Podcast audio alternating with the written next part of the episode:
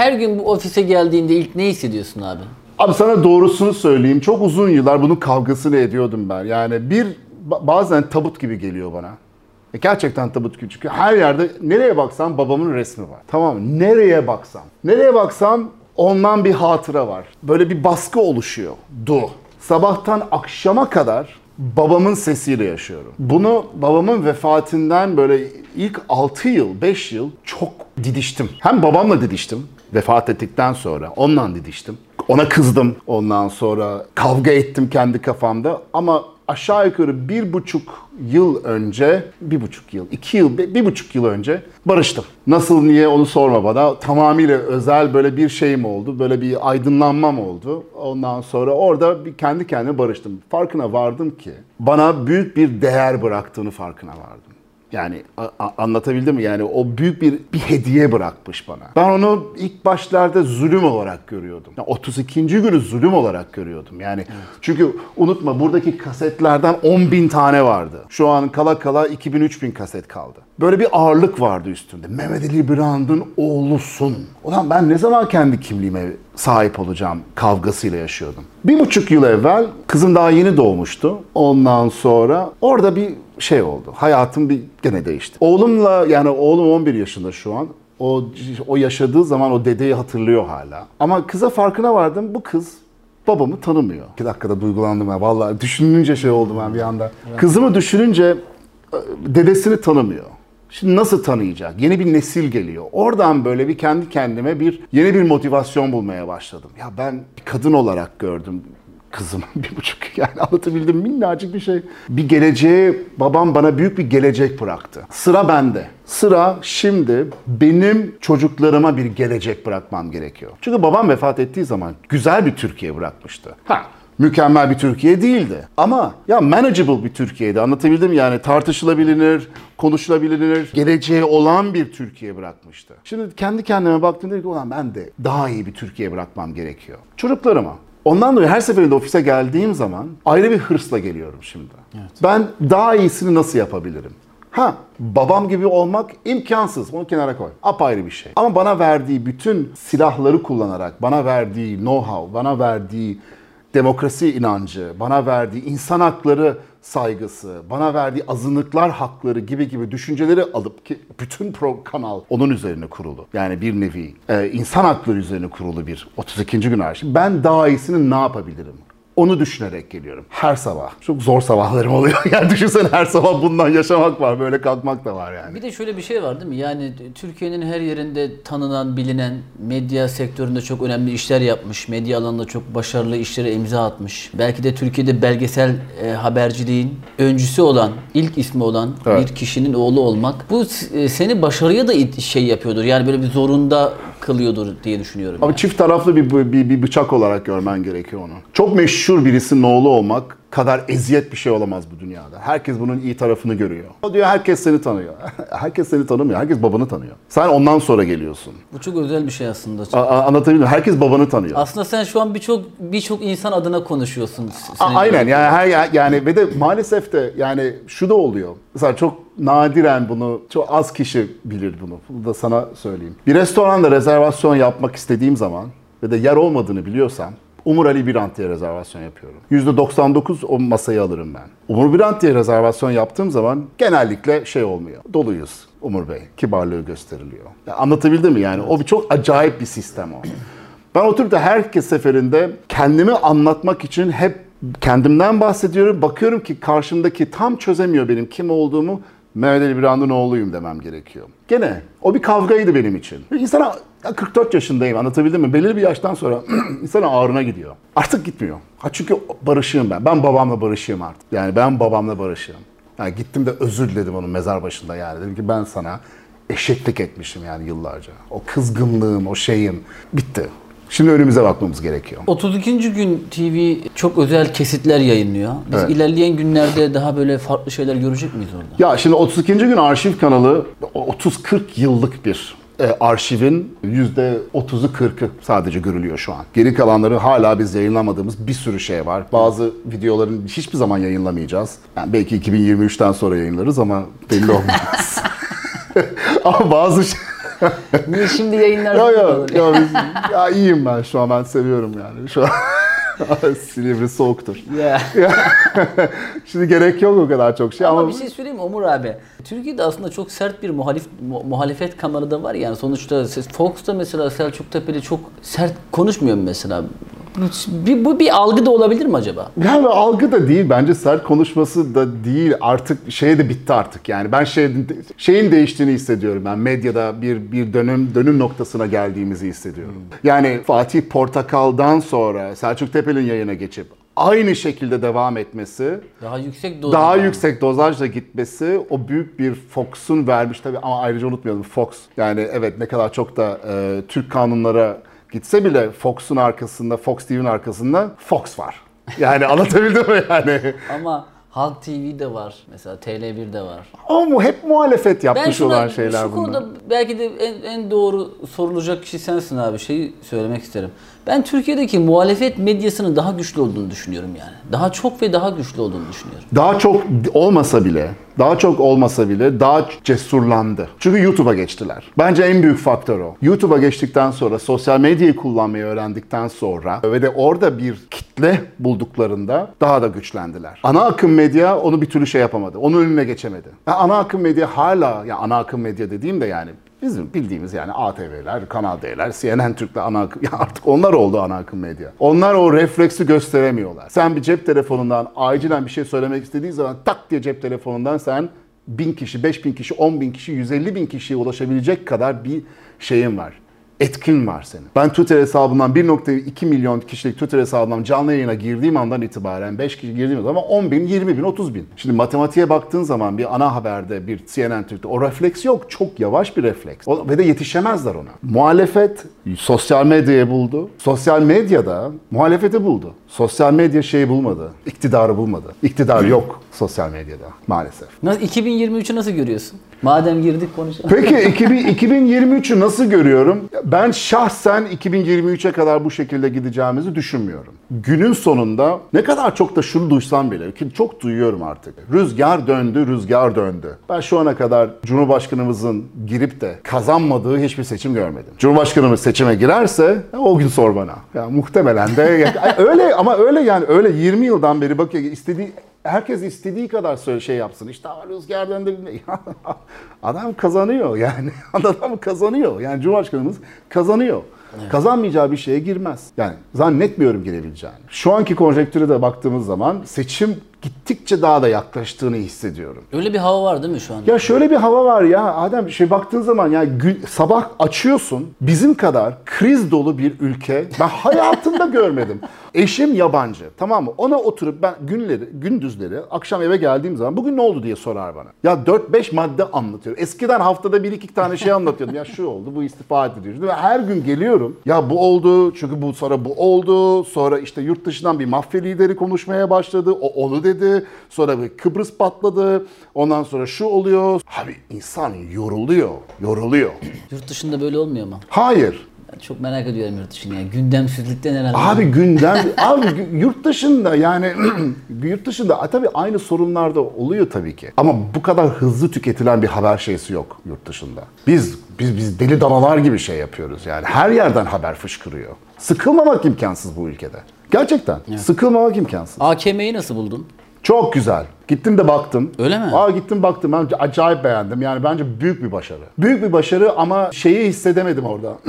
Daha böyle ya biraz da kızdım biliyor musun? Bizim kendi muhalefet şey, şimdi sosyal medyada işte aa işte böyle olmuş bir fazla büyük bir değişiklik olmadı. Abi önemli değil. Bence güzel yapılmış. Hoş bir şey. Onu unutuyoruz artık. Ya ona ona hafif sinirlenmeye başladı. Ya her şeyde bir sorun bulmaktan da hafif ha, yorulmaya başladım. Evet abi bu da, bu da bence çok ya bunu bizim bunu değiştirmemiz lazım. Ya muhalefet mesela Mansur Yavaş güzel bir şey yapıyorsa alkışlamamız lazım. Ya illa onunla aynı partide olmamıza gerek yok. Ve Ekrem İmamoğlu taksi konusunda bir mücadele veriyorsa alkışlamak lazım. Çünkü bir taksi problemi var yani. Var.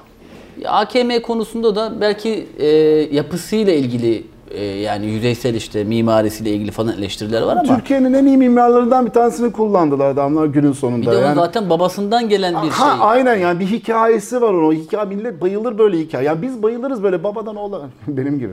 Babadan oğula geçmiş böyle bir şey var günün sonunda anlatabildim mi? Yani ya oturup da onu şey yapacağımızda efendim bak eski resimlere bakıyoruz. İşte evet geç oldu. Tamam. Öncelikli değildi. Evet bu hükümetin, bu iktidarın Taksim ve Gezi Parkı ile bütün o bölgeyle ilgili böyle bir alerjisi var. Tamam anladık. Tamam. Ama AKM günün sonunda yapıldı. Ha açılış iyi miydi? Sönüktü biraz. Yani ben biraz daha böyle uluslararası şeylerin geleceğini bekliyordum. Daha böyle bambaşka yurt dışından insanların operalar şey yapılacak. Sonra olmaya başladı. Daha doğrusu. Ama açılışta biraz daha şeye beklerdim. Açılışı biraz sönük geçti. Ona biraz üzüldüm. Çünkü bir iletişim sıkıntısı var. Yani AK Parti'nin şu an. Yani bir türlü bir iyi bir şeyi parlatamıyor. Parlatmaya çalışırken söylediğim gibi günden o kadar değişik ki hep oradan oraya koşması gerekiyor. Yani bir şeye fokuslanıp bunu bir mesajı anlatamıyor. Veyahut da bir başarıyı iyice anlatamıyor. Baktığın zaman 2-3 günde bir bir açılış var. Bir şeyin açılışı. Veyahut da bir şeyin başarısı.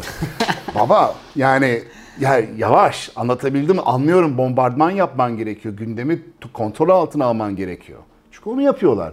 Gündemi kontrol altına almak için her gün bir şey çıkartman gerekiyor. Bir yeni bir diyalog çıkartman, yeni bir şey çıkartman İktidar gerekiyor. olmak da zor iş ya. Abi ben çok büyük eziyet olduğunu düşünüyorum. Yani ben diyorlar ki işte Recep Tayyip Erdoğan hasta. Abi sen 20 yıldan beri bu işi yaparsan Recep Tayyip Erdoğan gibi senin pestilin çıkar yani. Sen Ha. bırak yani sen, sen senin yaşında benim yaşımda bizim pestilimiz çıkar. Ben onun temposunu 3 gün yapayım. Ben dördüncü gün yatak döşeyim ben zaten. Yani yani. yurt dışından geliyoruz hemen jetlak mı oldum? Bir şuram mı ağrıdı, buram mı ağrıdı Abi falan. istediğin kadar şey yap. Yani korkunç bir tempoyla çalışıyor. Yani bir, evet adam çalışkan. Deli gibi çalışıyor. Ya biraz da yorulsun. Ama işte onu bir türlü şey yapamıyorlar. Ya şunu demiyorlar. Ya ben yoruldum diyemiyor. Dönüp dese ki ya ben acayip yoruldum ya ben bir gün Aramayın kardeşim. ya bir gün evdeyim ben dese. Ama anlatabildim ne demek? Ya ben bir gün evdeyim dese. Ya Cumhurbaşkanı iletişimi şunu dese. Ya Cumhurbaşkanımız şu yoğun temposundan sonra bir gün yarım gün istirahat etme kararı verdi. Okey. Süper. Veyahut da Cumhurbaşkanımızın bir rahatsızlığı var bacağında. Bir yerinde. Normaldir. Bu bir prosedürdür. İnşallah geçecek. Dualarınızı bekleriz. Peki. Onun yerine gizli kapaklı basketbol oyunu. O videolar veriyor. Yapma. Veyahut da yürü... Abi geçen hafta bütün sosyal medya sabahtan akşama kadar yürüyen Cumhurbaşkanı videolarıyla doldu taştı. Sabahtan akşama kadar. Oraya yürüyor, oraya gidiyor, oradan oraya yürüyor. Tamam, anladık yürüyebiliyor, biliyorum, farkındayım. Ama illa şey yapmamıza da gerek yok. Böyle yok, hiçbir şeysi yok. İnsan günün sonunda. Yani bir oda var, anlatabildim mi yani? Yorulma hakkı var Cumhurbaşkanımızın. Medyayı nasıl görüyorsun abi? Bu televizyonlar biter mi? Gazeteler biter mi? Televizyonlar biter mi gazete? Abi öyle bir şey ki bu ülkede biz 20-30 yıldan beri televizyonlar bitecek, gazeteler okunmayacak diye birbirimize anlatıyoruz. Ne gazete bitti ne televizyon bitti.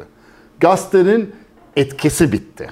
Hala tutunuyoruz bence bazı şeylere. Yani hala o Hürriyet gazetesi, Milliyet gazetesi tutunuyoruz o eski günlerimize. O dijital dönüşümü yurt dışında olduğu gibi hızlı yapamadık. Çünkü galiba hala elle tutulan bir şeye özlememiz var gibi geliyor. Televizyon konusuna gelince televizyonlar hiçbir zaman bitmez. Çünkü öyle bir reklam pastası var ki, öyle bir reklam satın alma düzeni var ki, reklam veren, reklam satın alma şirketleri ne batırır, ne batırttırır televizyonu, Ne de yüceltirir. ne de yücelttirir. Anlatabildim mi yani? Çünkü herkes para kazanıyor bu düzenden. Evet. X, Y, Z reklam ajansı diyor ki bir kanala ben sana yılda vereceğim ben sana 150 mil 100 milyon dolar. Sen de o 100 milyon dolardan bana %20'sini geri yolla falan filan diye bir düzen var bu ülkede. E o düzen olduktan sonra kim kim kim ne kapanacak? Tepkisi evet. Yani etkisi önemli. Etkisi sıfırlamaya başladı. Hele haber kanallarında. Sizin tabi aile olarak da Türkiye'de herkesin saygı duyduğu bir noktadasınız. Sen de son dönemde dijitale daha da çok girmeye başladın. YouTube'da röportajlar yapıyorsun, kendin içerikler üretiyorsun falan. Biz bu alanda e, Umur Ali Birand'ı daha aktif görecek miyiz? Gö- görece- göreceğiz. Çünkü ben şöyle bir şimdi dedim ya ben bir barıştım sonuçta kendime de bir misyon edindim. Evet. Niye de önceden yapmadım onu da bilmiyorum. Ama bir yerde dank etti. Ve de Belki ne de zaman... zam- zamana ihtiyaç vardı belki de. Esas sen bana biraz şey yaptın. Sana bir şey söyleyeyim mi ya? Onu da sana onu da e, itifat olarak da söylemem gerekiyor. Senin bu yaz bu yangınlar peşinde ayakların yanarken ve şortların yanarken o çektiğim videolara baktığım zaman çok kıskandım seni. Ulan dedim adama bak dedim yani. Elinde bir cep telefonuyla saçları yanıyor, kaşları gidiyor. Böyle iki şey peşinde. Ne güzel uğraşıyor.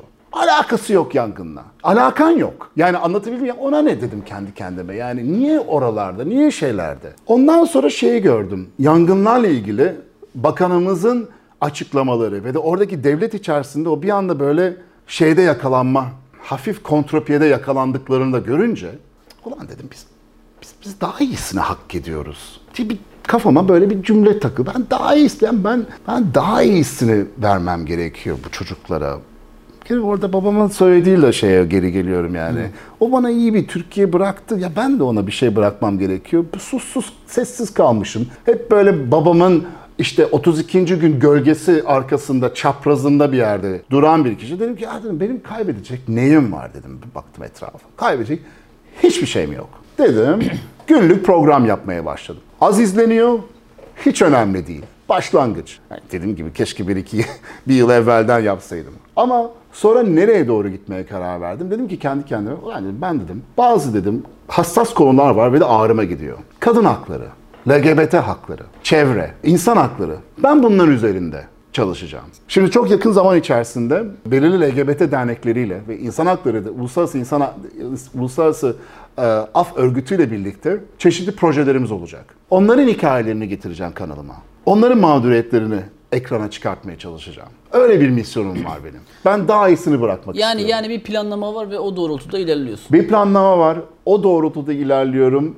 Çünkü artık ben de çıldırdım. Öyle yani tak itiyor insana Ama ben yani. senin mesela şu yönünü çok beğeniyorum. Ben Yakup Köse'yle röportaj yaptım. Ha. Mesela sen beni aramıştın. Tabii tabii. Ya o sesinin titremesini hissettim. Ya mesela. neydi biliyor musun? Orada senin sorduğun sorunun cevabını biliyor muydun? Şimdi o röportaj oydu. Yok tamam mı? bilmiyordum ya. Tamam mı? O kulağını duvara koyup tamam mı? O araba seslerini duyuyor. Oydu o. Evet ya. Bana çok çok ağrıma gitti o. Yani çok çok tak etti benim şeyimi ve de kendi kendime şunu düşünmüştüm. Ulan dedim bu çocuk biliyor muydu cevabı? Çok, de- beni delirtti çünkü yani. Ya, tamam mı? Bil- Bilseydi cevabı sorması mükemmel bir şey düşünmüş. Bilmiyorsa ne şanslı herif ne güzel Evet, sormuş. vallahi öyle oldu ya. Ondan dolayı oradan bana şey yaptı. Yani o benim çok hoşuma gitti. Ya bir de şunun farkına vardım. Ya iyiye iyi dememiz gerekiyor. Bir türlü bizim sektörde eskiden o yoktu. Tamam mı? Şimdi sosyal medyada, YouTube'da program yapanlar, bizler Abi bizler birbirimize destek çıkmalıyız. Çünkü baktığın zaman biz parmakla sayılan 10 kişiyiz. 15'te En fazla. ama en fazla 15'te sen 15 kişilik bir muhalefetsin. Düşünsene 15 kişiyle bir muhalefet yapmaya çalışıyorsun. Ve hatta daha doğrusunu söyleyeyim. 15 kişilik bir ekiple yani 15 kişi 15 sunucuyla sen 4-5 tane televizyon kanalın ana haber bültenleriyle yarışıyorsun. Evet. O acayip bir olay. Ve oralara içerik çıkarıyorsun ya. Ve de oralara içerik çıkarıyorsun. Yani anlatabildim yani ve de onlardan da daha iyisin. Şimdi öyle demeyelim de yani. Ya onlardan daha iyisin. Bak onlardan daha iyisin. Çünkü Bir tartışmanın içine girmeyelim. Abi bir tartışmanın alakası yok ya. Bir tartışma çok basit. Haber kanalları 30-40 kişinin bir araya geldiği, az iş yaptığı. Mehmet Ali Birand'ın Kanal D'deki haberlerini çok özlüyorum. Sen istediğin kadar özle. Ben hiç özlemiyorum. Ben hiç özlemiyorum. Çünkü ya ben babama da söylerdim yani bu bu ne derdi yani. Ya baba ne, ne bu ya? O. Yani ya oğlum işte işte çıkıyoruz haberleri sunuyoruz. Anlatabiliyor muyum ya? Babam o şeyi özlemini çok vardı. Ben yani bana bir sürü kişi sorar. Mehmet ben hayatta olsaydı nerede olurdu? Babam hayatta olsaydı şu an YouTube'daydı. YouTube Yüzde bin. Yüzde bir milyon. Aynen. Anlatabildim mi yani? Mehmet Birant diye bir kanalı vardı. Yanında da 32. gün kanalı vardı. Babam yani sabahtan akşama kadar YouTube'daydı. Ve de canlı yayından tut bilmem nesini. Yani gider evinde bir bölüm bile koyup burası benim stüdyom ben artık yayına geçiyorum diye çok rahatlıkla yapabileceği bir şeydi. Babam o özlemini hissediyordu. Haberciliğin özlemini çok hissediyordu. Hele son yıllarında. Yani medyada o değişim olmaya başladı. Baskı artmaya başladı. O özlemi hissedebiliyordum. Çünkü 32. günde de görebiliyorduk o özlemi. Yani biraz daha haber daha uzaklaşmıştı haberin temellerinden biraz. Ama o, o 32. günde ne tartışmalar oluyordu ya. Ya tartışmalar oluyordu da. Efsaneler Ya vardı. e, abi tartışmalar oluyordu. O zaman müsaitti ortam tartışmaya. Bunlar 32. gün ha. Sen, sen Abdülhamit'i savundun. Bu da sensin dönek. Bunlar satışta falan var mı ya? Var tabii ki. Shopier'dan satıyoruz abi. Size hediye edeceğiz zaten bir iki Aa, tanesini de çok şey. iyi ya. Bizleri biz her şeyi paraya çevirdik abi. Bizim Ya her şeyimiz müthiş. para. O program ama efsaneydi. Ama bak ne kadar ses tonu yükselirse yükselsin e, bir fiziksel şeye dönmüyordu iş. Yok. Ama ama o zaman televizyon televizyon kral. Anlatabildim ya? Ya- Bugün televizyon kral değil yani. Bugün televizyon ya O dekor da çok efsaneydi ama ya yukarıdan ışıklar geliyor ya. Abi o. Ama işte televizyoncunun osunu özlüyorum bak. O televizyonun o ağırlığını, o o şey kameralarını, o onu özlüyorum. Yani Şeyde YouTube'da Cüneyt Özdemir'i başarılı buluyor musun? Çok. Arada sana çok atıfta bulunuyor. o bulunsun abi. Her sefer atıfta bulunduğu zaman abi annem arayıp beni azarlıyor. Yani bak gene Cüneyt sana bilmem ne dedi. Ya anne diyorum yani tamam ne, ne yapmamı istiyorsun? Bana çünkü geçenki sefer şey dedi. Umur uyuma diye canlı yayından verdi. Aradan tak diye telefon çaldı. Uyuyor musun? Anne ofisteyim dedim. Ne yapayım dedim. Yani aramadı etmedi dedim. Ya adam öyle bir şey oluşturdu ki bir- bir şey söyleyince hemen muhatabına böyle 4-5 kişi arıyor yani böyle. Tabii, tabii. O an izleniyor. Bence çok bence ah ama yani şunu da söylemem gerek. Söylemeden de şey yapamam. Cüneyt bunun cefasını çekti. Cüneyt olmasaydı biz hayatta bu işi yapamazdık. Öyle çok net olarak da söyleyebilirim sana. Çünkü Cüneyt bizim önümüzü açtı.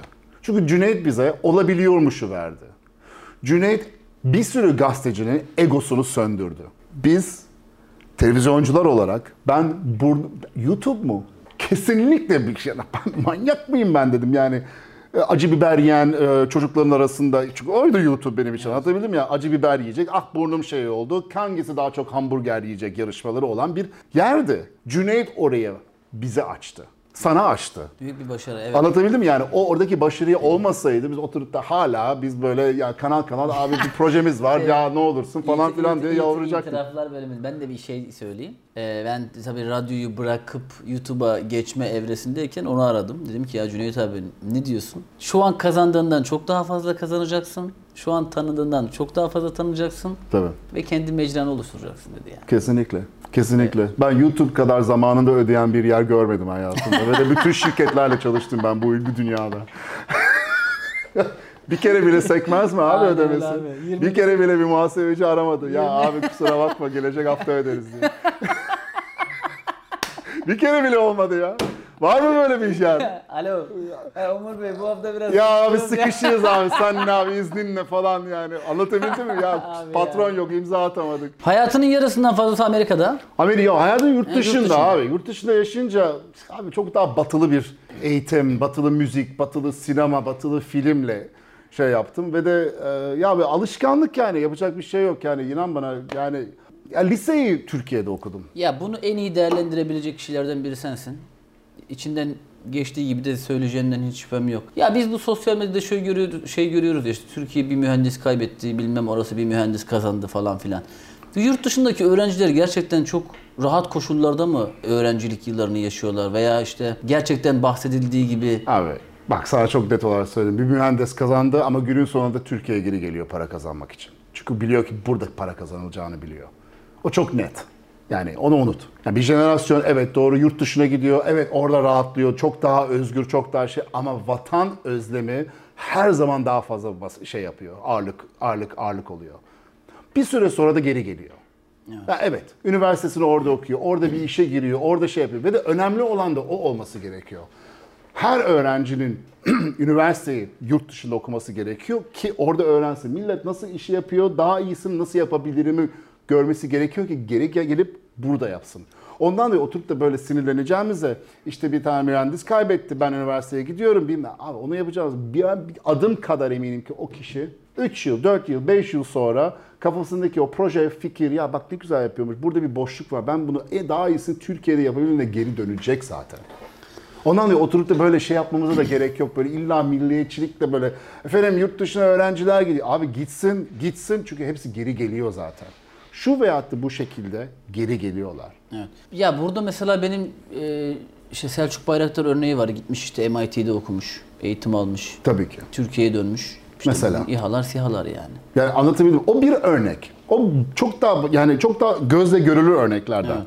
Ya Etrafta benim yüzlerce tanıdığım var bunu yapanlar. Benim bütün jenerasyonum yurt dışına gitti, okumaya gitti. Hepimiz yurt dışında çalıştık, ettik. Ondan sonra geri geldik. Ya ben bundan evvel, ben Türkiye gelmeden ben Discovery Channel'da çalışıyordum. Anlatabildim mi? Yani ben daha Discovery Channel, Discovery Channel değilken çalışıyordum. Anladın? Onlar bize anlatıyorlardı ya belgesel kanalı yapıyoruz diye. Dedim deli misiniz siz? Ne belge? Kim izler sabahtan akşama kadar dedik ama gidip çalışıyorduk orada yani. Anlatabildim mi yani? Amerikalılara bak belgesel kanalı kurmuşlar. Ama Hiç- müthiş ya. Ha, şimdi anlatabildim? Onlar nereden nereye geldiler? Anlatabildim mi? Ama o şeyle öğreniyorsun. Veyahut da yurt dışında gördüğün bazı basit şeylerle öğreniyorsun. Bak Netflix olmasaydı Gain olmazdı. Anlatabildim? Netflix olmasaydı Blue TV olmazdı. Yani bunlar böyle oluyor bu iş. Blue TV de çok başarılı ya. Ben izli takip ediyorum yani. Vay hiç izlemiyorum. Abonesi değilim ben Blue TV'nin. Benim şifreleri vereyim abi iki ay. iki ay dene ya. Yok abi Selçuk Sports var abi. Oradan izliyoruz abi. Biz rahatız abi. Ondan Ya dolayı. Ya bu Selçuk Sports abi ne kadar popüler ya. Herkes biliyor ya. Abi annem Manchester United taraftarı. Çünkü Ronaldo oynuyor orada. Cristiano Ronaldo'ya biraz bir küçük bir şeysi var annemin. Zaafı diyeyim. Kibarca söylüyorum bunu. Ondan sonra her Manchester United maçtan evvel bana linki atar mısın diye bir kriptik bir mesaj atıyor. İnternetten Selçuk Sports'u arıyorum. Selçuk Sports'tan linkini copy paste edip WhatsApp'tan yolluyorum. Allah razı olsun sana oğlum deyip sana yemin ediyorum böyle utanmaz bir şey olduk yani. Ama kızmamak da imkansız. Öyle bir bak yurt dışında Selçuk Sports'u izleyemiyorsun. Bana birisi bana onu anlatsın abi. Anlatabildim mi? Yani şuradan Edirne'den geçiyorsun Yunanistan'a. Tamam mı? Oradaki IP'den Selçuk Sports'u şey yapıyorsun. Niye bu ülkede izleyebiliyoruz? Anlamış değilim. Niye? ne yazık abi. Şimdi bak bu tabii ki niye geliyor bu? Geri getirmek istiyorum seni bir konuya. İçerik her zaman tamam bu ülkede yurt dışında içerik kraldır. Bu ülkede medyada içerik eziyetti. Eziyet. Aman para vereceğim, içerik verecek bilmem ne. Öyle psikolojiyle şey yaptık. Daha yeni yeni içerik kral olmaya başladı. Bazılarımız senin ve benim gibi bedava içerik veriyor. Değil mi? YouTube'dan. Belki de bir hayırsever iş insanı çıkar ya. Kardeşim der gelin. Abi çıkar. Mı acaba? Allah büyük abi yani. Çıkar. Öyle oluyor zaten yani. Bir süre sonra oraya doğru dönecek. Ya bizde herkesin herkeste söz sahibi olma gibi bir şeyi var sanki ya. Şimdi adam bana diyor ki mesela ya Omur Brandt'ı konuk almışsın bunu niye sormuyorsun? Şunu niye sormuyorsun? İşte örnek veriyorum. Ya iyi de diyorum bizim öyle bir formatımız yok yani. Biz sohbet ediyoruz. E, o zaman sen kendini şirin göstermek istiyorsun ya kardeşim. Yani elinde çekiç olan herkesi çivi görmek zorunda değil ki. Yani bir sürü platformlar var, bir sürü alanlar var. Herkes istediği şekilde içerikler üretebilir yani. Ha, sıkıntı şurada. Ee, herkes elinde çekiç olduğu için herkes kendini çekiç olarak görmeye başlayınca her şeyi çivi olarak görüyor. Evet bir de o var. Ya anlatabildim mi? Çünkü sosyal medyada sen elinde çekiçle oturuyorsun önünde cep telefonuyla, Twitter'dan bilmem neden. Sen bir şey yazıyorsun. Oha adama bak. Manyak mısın? Bir şey yazıyorsun. Ya çat tak çünkü. Adam şey yapamıyorsun ki. Bak son programlarımda şeyden bahsediyorum. Ve de bayağı da bir küçük böyle bir mini linçler de yemeye başladım. Hoşuma gitti. Linç ed- edilmeyi seven bir karakterim var. Çünkü cevap veriyorum. Senin da çok- bünye, senin bünye kaldırır ama. ben çok ben çok rahat kaldırırım. Ha, çok rahat kaldırırım ben. Ben abi çünkü yıllardan beri bunu yiyorum ben. Benim hiç sıkıntı değil. Bu Suriyeli gazeteci var ya muz videosu çeken. Bunu adamı şey kapı dışarı etmeye çalışıyor. Hmm. Evet, evet. Yani o muz yiyenleri, Suriyelileri. Ondan sonra göç idaresi ülkeden kovmaya karar verdi. Ben sana bir sorayım mesela. Ben sana sorayım bir soruyu. Sen ne düşünüyorsun? Adamlar şey yapılması gerekir miydi? Ülke dışı etmemiz gerekir miydi? Valla ben onu destekliyorum. Niye desteklediğimi söyleyeyim. Lütfen. Ee, sonuç olarak bu ülke onlara bir kapı açmış. Tamam. Ve bu ülke içerisinde yaşayan insanların e, psikolojileriyle veya değerleriyle Tamam. veya eksik kaldıkları durumlarla alay etmeleri bence hoş bir durum değil. Değil. Bunun tespit edilmesi ve onların geri gönderilmesi o zaman gitsin muzu ülkesinde yesin yani. Süper. Sence suç şey aynı. Suç yapmış olduğu yok yapmış olduğu hatayla vermiş oldukları vermiş olduğumuz ceza dengeli mi sence? Ya dengeli değil ama sonuçta bunlar infial oluşturabilecek şeyler. Yani onun orada 3 üç tane arkadaşın yaptığı bir olay bütün bir Suriyelileri de şey yapabiliyor ama yani. Tamam. Aynı kefeye de koy- koymalarını sağlayabiliyor. Tamam gün geldiği zaman sen şunu de dersen ya ben AK Mesela Parti bir, bir parantez açayım çok özür dilerim. Tabii ki. Ben mesela Suriyelilere karşı daha pozitifim. Tabii ki. Ülkemizde misafir etmekle ilgili. Afganlarla ilgili daha çok soru işaretlerim var. Tamam. Yani çünkü Suriyeliler aileleriyle geliyorlar. Daha bizim coğrafyamıza yakınlar anlatabiliyor muyum? Ama Afganlar daha böyle savaştan çıkmış, daha böyle savaşçı, sadece erkeklerin geldiği grupları görüyoruz. Bu mesela beni tedirgin ediyor yani.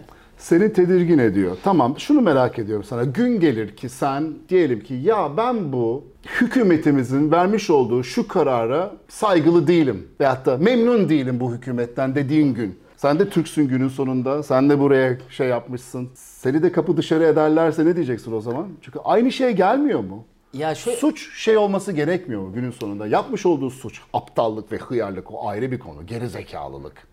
Anlatabildim mi? Ama onun cezası kapı dışarı etmek biraz fazla değil mi? Bence fazla. ya belki de fazla da olabilir. Anlatabildim mi Ben yani? ilk hissettiğim şey, bu, ben bunun doğru olduğunu düşünüyorum yani. Refleks çok hızlı. O beni çok ürküttü. Ama ama şöyle şimdi Umur abi yani bu özellikle bu olay TikTok'ta belki o mecrada çok fazla yoksun bir akıma dönüşmüştü. Dönüştü tabii. Dolayısıyla bunun bir şekilde set seti koymazsan süreçte de bunların farklı versiyonlarını da görebilirsin. Ya devlet zaten bu değil midir? Devlet şu- bence devlet bir itfaiye değildir yani. Yani yangın çıksın da onu söndürelim değildir Ama yani. onu yaptı. Ama onu yaptı ama sonraki gelecek olan bir sürü şeyi de engelledi belki de. Sen yangını nasıl etkileyeceği durdurabiliyorsun? Yangın her zaman olacak. Ama sen yangına oturup da her seferinde yangın olmayacak diye şey yapıyorsan olmaz Devletin ki. görevi bence yangını söndürmek evet ama daha da önemlisi yangını hiç çıkarmamak. Dolayısıyla orada bir yangın vardı. Ona çok hızlı bir müdahale etti. Ee, bundan sonra gelecek olanları da durdurdu diye düşünüyorum yani. Abi çok ciddi olduk yani. Hayır merak ediyorum yani abi merak Nasıl ediyorum konuştum yani. ama? Bak, o da senden. o da senden. Allah Allah. Neyse abi ama ama, bunu konuşabilmemiz de güzel bir şey. abi, abi. tabii canım ama mesela şunu ben aynı şeyi söyledim. Abi Şimdi bu Suriyelilere gelince bu, bu şey yapıyor. Bir gazeteci var bir tane de. O da aynı akımda böyle bir komik video çekti. Gene muzla muzla şeyle birlikte.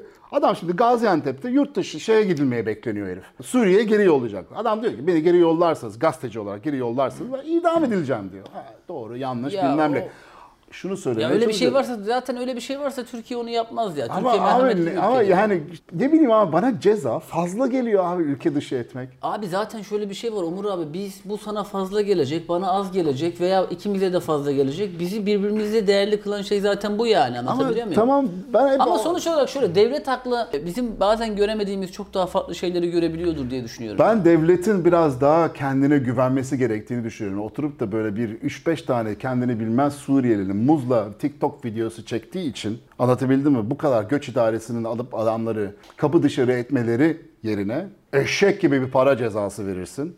Ya. Gidersin 3 ay muz şeylerinde çalıştırırsın. Ha, öyleyse öyle. Anlatabildim mi? O zaman da ne oluyor biliyor musun? Bak siz işte getirdiğiniz Suriyelilere daha burada sahip olamıyorsunuz insanlarla dalga geçiyorlar diyorlar. Ya biz tepki vermiyor muyuz? Ben veriyorum bazen. Anlatabildim mi? Ya Ya- sen ben ya kim bu adamlar diyorum ya şöyle bir şey.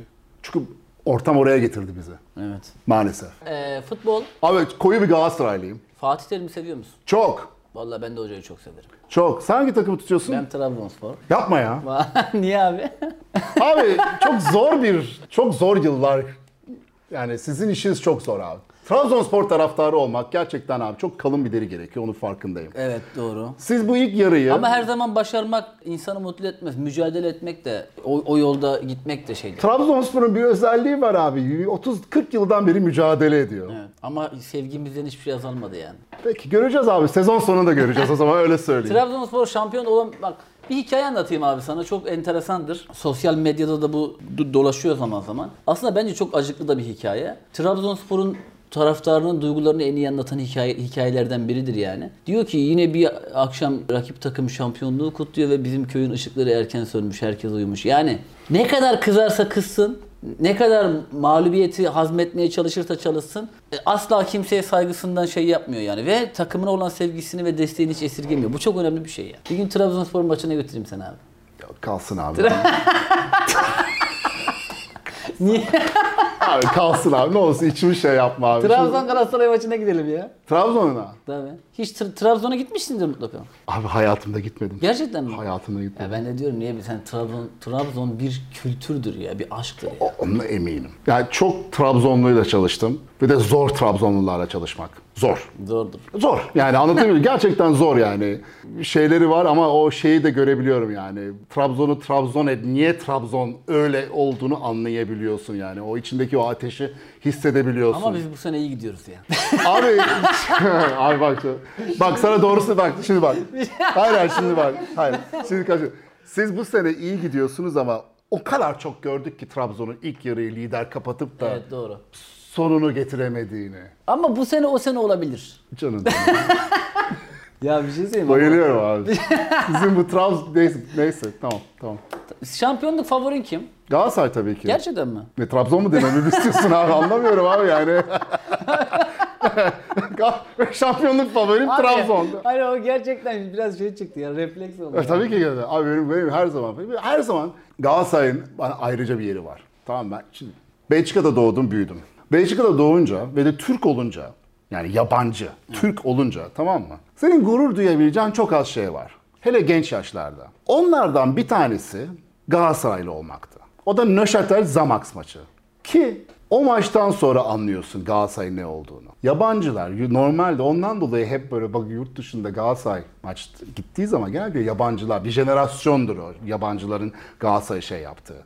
Ondan da Galatasaray'ın bambaşka bir şey yeri var bende. Anlatabildim yani. O, o her zaman bana böyle yanlış bunu da bu söylemek yanlış olmak yani Türklükle beraber çünkü Türk olmak da Türkiye Cumhuriyeti vatandaşı olmak da ayrı bir ayrıcalık olduğunu düşünüyorum. Ama onunla beraber Galatasaray'ı koyduğun andan itibaren o yurt dışında sen istediğin kadar Fransızcan adam oradaki kişiler gibi konuş.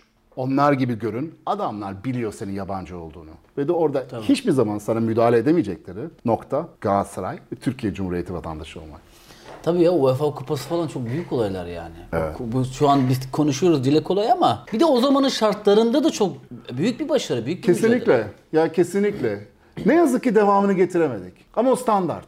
Ama Türkiye'de de zaten futbolundan sonra pek iyiye gitmedi yani genel olarak da iyiye gitmedi. Bence hala da iyiye gitmiyor. Yani baktığın zaman Bence abi. de gitmiyor. Yani Bir kere Türkiye Futbol Federasyonu'nun yapısının değişmesi lazım. Çok bu konulara girmeyelim anladım. Yo ben açayım senin için. Şimdi Türkiye Futbol Federasyonu futbolumuz günlük yönetiliyor. Haftalık bloklar halinde yönetiliyor. Cuma günü yönetilmeye başlıyor pazartesiye kadar. Sonra hafta içinde hiçbir şey yapılmıyor. Cuma günü gene yönetilmeye başlıyor pazartesiye kadar. Bu Galatasaray Başkanı olarak belki biraz daha değişti yani Burak Elmas'ın gelmesiyle. Ama diğer takımlara da baktığımız zaman hep maçtan sonra yönetilmeye başlıyor. Nedir o? Gol atarak veyahut da yenilerek veyahut da kornerimiz verilmedi, penaltımız verilmedi. Mağduriyet üzerinde kurulan bir futbolumuz var maalesef. Onu psikolojik olarak onu değiştirmediğimiz sürece hep aynı hataları yapmaya devam edeceğiz. Çok güzel bir tespit. Film ne izlersin? Abi söylemek istemiyorum ya. Vallahi abi ben abi ben çok kötü ben zombi filmleri seviyorum abi. Gerçekten mi? Yemin ediyorum yani. Sabahtan akşama kadar zombi filmleri izliyorum. Şimdi yeni yeni şey huyum ona. Ona başladım abi. Zombi. Ben de aksiyon filmlerini çok seviyorum. Ben zombiye takıldım gittim yani. Ee, Zombi ve de, ve de tabii ki savaş filmleri çok seviyorum. Yani ben yani hele 2. Dünya Savaşı. Yani böyle ayrı bir şeyim var benim 2. Ben Dünya de. Savaşı ile ilgili. O olsun tamam benim için ben tamamım yani. Hele zombi olsun. Uf! Çünkü ailede hiç kimse sevmiyor onu izlemeyi. Tek başıma kalabildiğim en nadir saatlerden bir O zaman tanesi. bu pandemi sürecinde sen evde bayağı tükettin yani bunları. Ya ben her şeyi tükettim. Pandemi iyi geldi bana. Ya pandemide ben çok çok güzel geçirdim pandemiyi. Nazar değmesin sağlığım yerindeydi, ailemin sağlığı yerindeydi. Çalışanlarım he- hepsi e, şey oldu maalesef. E, Hepsi Covid. oldu ondan sonra çünkü eşleri aşılanmamıştı. Evet. Cahillerle evli hepsi.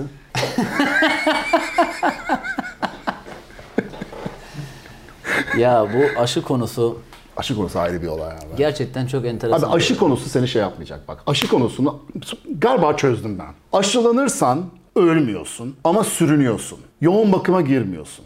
Sürünüyorsun. Evet. Olay o. Hatta çok az sürünüyorsun. Hatta çok az sürünüyorsun. Yani o bile benim için yani yetiyor. Ya Anlatabildim bunun mi? örneğini gördüm ben abi. İki, ikiz kardeş. Birisi aşılanıyor, birisi aşılanmıyor. Aşılanmayanı kaybettik. Abi. Çok üzücü bir olay abi. Yani. Ve de tabii ki ne kadar çok da hazırlıksız yakalandığımızı da gördük yani. hem hazırlıksız yakalandık hem de devletimiz ilk başlarda bir biraz daha atak olabilirdi. Çünkü o ilk başlardaki o rakamlar var ya hatırlıyor musun? Böyle "Aa, 3000 kişi günlük, 2000 kişi günlük. Yok işte hasta ama e, semptom göstermiyor falan böyle. Pozitif ama semptom. Oradaki şeyde muallakta biz çok laçkalaştık. Ve de bugün de öyleyiz maalesef. Bugün de çok laçkayız. Bugün de açıklanıyor yine rahatız yani. Abi günde bir uçak dolusu insan ölüyor. Günde bir uçak dolusu insan oluyor. 30 bin kişi pozitif çıkıyor. Büyük rakamlar bunlar. Bak Avrupa çok yakında gene kapanacak. Çok yakında. Yani çok böyle kulağı şeysinde yani hükümet evet. değişimi var şu sıralarda. Belki ondan dolayı şu an hiçbir şey stres yapmıyorlar ama yakında kapanacak. Ve de ya hepimiz Covid olacağız ve de artık bundan yaşamaya alışacağız ki bir nevi o. Vallahi ben bu işin hiç bitmeyeceğini düşünüyorum ve çok korkuyorum ya. Ya Bir de varyantlar ben değil- biliyorsun 18 gün yattım hastanede 13 gün yoğun bakımda yattım yani. Öyle mi? Döndük yani. Sen aşı olmuş muydun? Hayır daha ben ilk başlardaydım. Sen ilk şeylerde. Tabii. Ya ilk şeylerde dediğim ya Covid başlamıştı. Üzerinden bir sene geçmişti. Daha aşı sırası gelmemişti bana. Hadi ya. Vallahi. Çok geçmiş Çok olsun. sıkıntı ya. Şimdi böyle konuşurken o günler aklıma geldi yani. Yatıyorsun, hareket etmiyorsun, bezlenmişsin. Bir de bu Covid olan kişilerin hiç hareket etmemesi lazım. Özellikle ciğerler bunu kapmışsa eğer. Çok sıkıntı. Mustafa ile beraberdik işte. Mustafa da kardeşim sağ olsun. Benim için Covid oldu o da yani. Ee, Şey gibi Cumhurbaşkanı şey hapse giriyor ya o, o şeye bir, bir tane daha bir adam ondan Cumhurbaşkanı da hapse Yeşil, girmiş. Ye- Zeki Yeşildağ mı? Öyle ya o da bir suç mu şey yapıp ben de geliyorum. Ama bir şey söyleyeyim, çok büyük olay ya. İnsanın böyle yol arkadaşlarının olması lazım bence yani.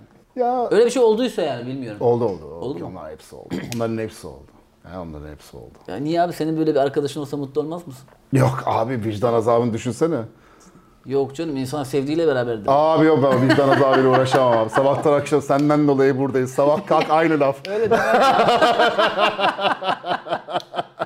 Abi o kafa ütülümeyi ben alamam. Paşa paşa 6 ay yatarım abi. Paşa paşa geri çıkarım yani. Sonra hayatın sonuna kadar abi hep borçlusun borçlusun. Ama bir şey söyleyeyim mi? Tayyip Erdoğan çok sevilen bir lider. Bence hala seviliyor. Tabii canım hala seviliyor ya.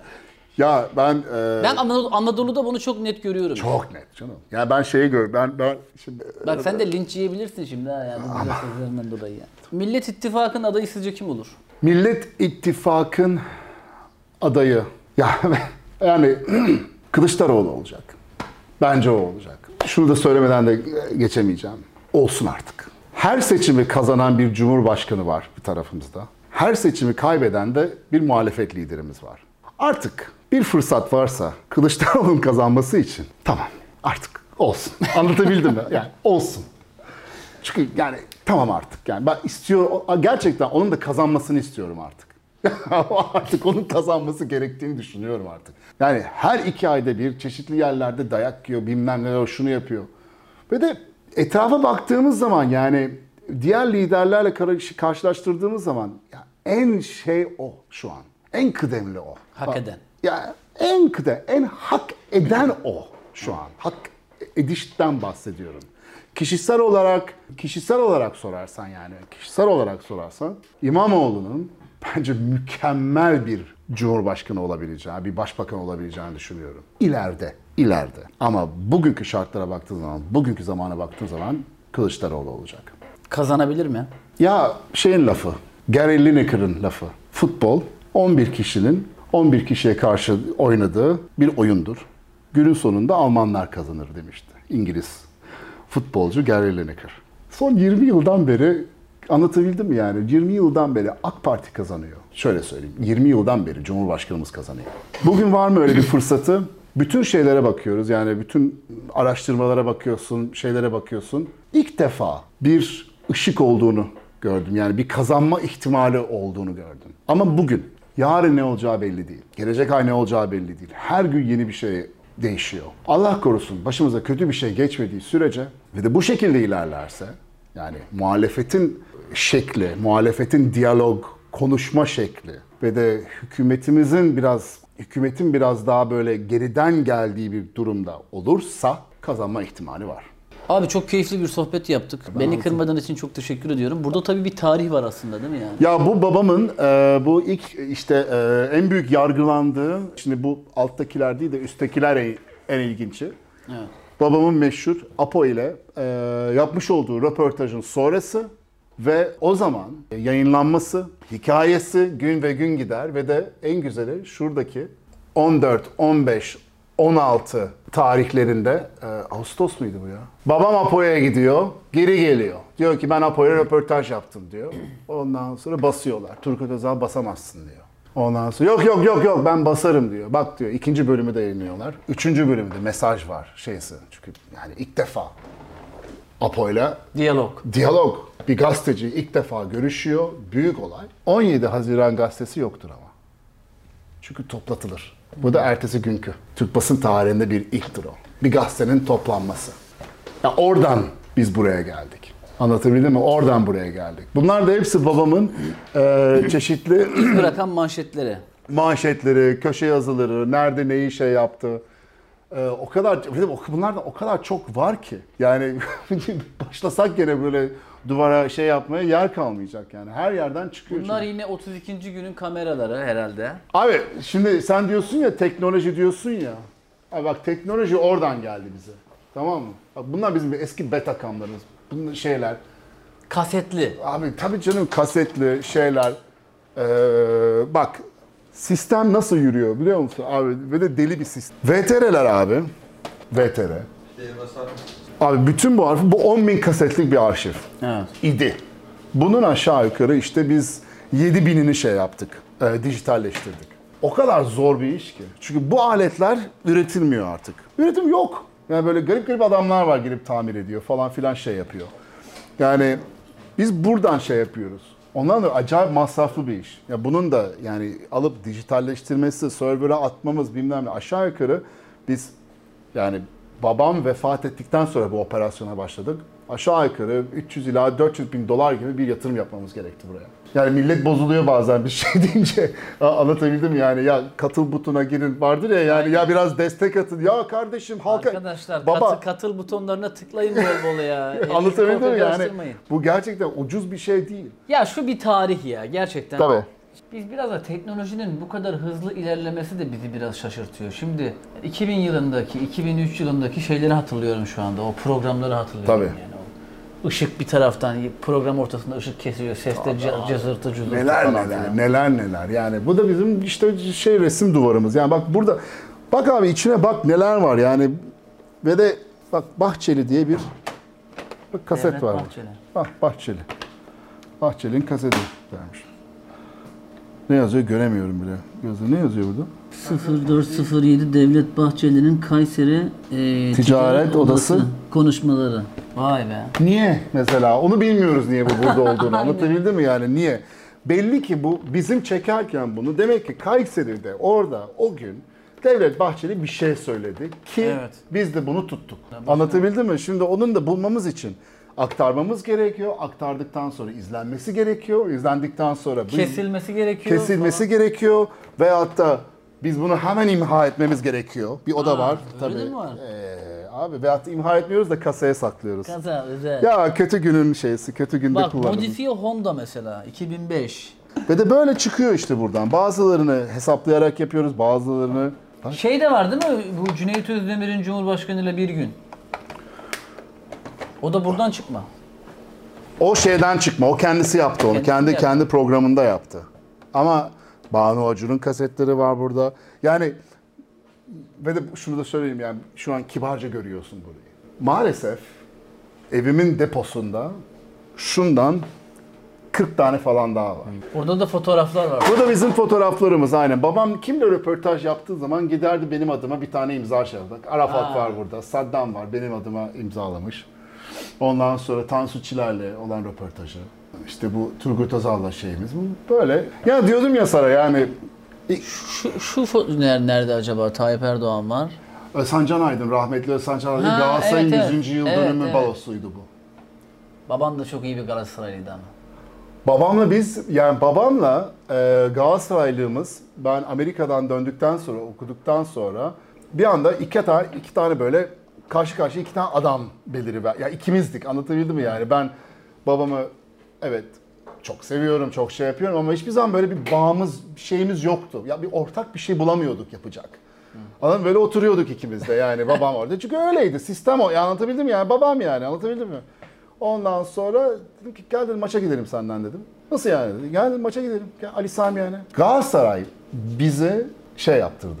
Orada çünkü biz 90 dakika boyunca en azından yan yana oturup çok rahatlıkla maç izleyip beraber paylaştığımız bir şey. Ondan mı Galatasaraylık benim için önemli? Galatasaray'ın şeysi var. Ya bende. biraz belki şey olacak ama birçok insan babası veya annesi hayattayken böyle ona karşı sevgisini göstermekte bazen Evet. şey yapabiliyor. Biraz cimri davranabiliyor yani. Cimri, güzel kelime. Ee, sen mesela hiç babana seni seviyorum diyebildin mi? Sarılabildin mi? Öpebildin mi? Hasta olduktan sonra. Bir, çünkü vefat edeceğini biliyordum.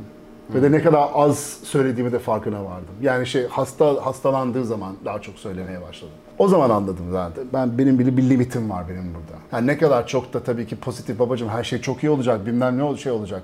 Oturup da biraz da yani biraz okuduktan sonra ne ölümcül bir hastalığa kapıldığını biliyordum. Annem ne kadar çok pozitif bir düşünceyle yaşasaydı ben de daha realist bir düşünceyle yaşıyordum. O zaman söyleyebildim. Ve de en büyük benim şeyden, en büyük, en nefret ettiğim olaylardan bir tanesi cenazesiydi. Vefat ettiğinden dolayı değil. Çünkü artık benimdi. Ama gene paylaşmam gerekiyordu ona herkesle o gün. Gene herkesle oturup, gene e, camide paylaşmam gerekiyordu. Gene mezar başında paylaşmam gerekiyordu. O zaman düşünüyordum ki ya bu benim olacak sadece. Tamam artık benim babam olacak. Ancak vefat ettikten sonra ben onu benim olmasını çok çok istedim. Şimdi benim. Yani. Allah rahmet eylesin. Ee, Do- Doğan Medya'nın önünde de çok güzel bir tören yapılmıştı. Tabii. Adana yakışır şekilde. Ben Çok güzel bir tören. Oradaydım. Çok güzel bir törendi. Orada orada annemle yan yana oturuyorduk. Ondan sonra bir de bulutlu bir havaydı.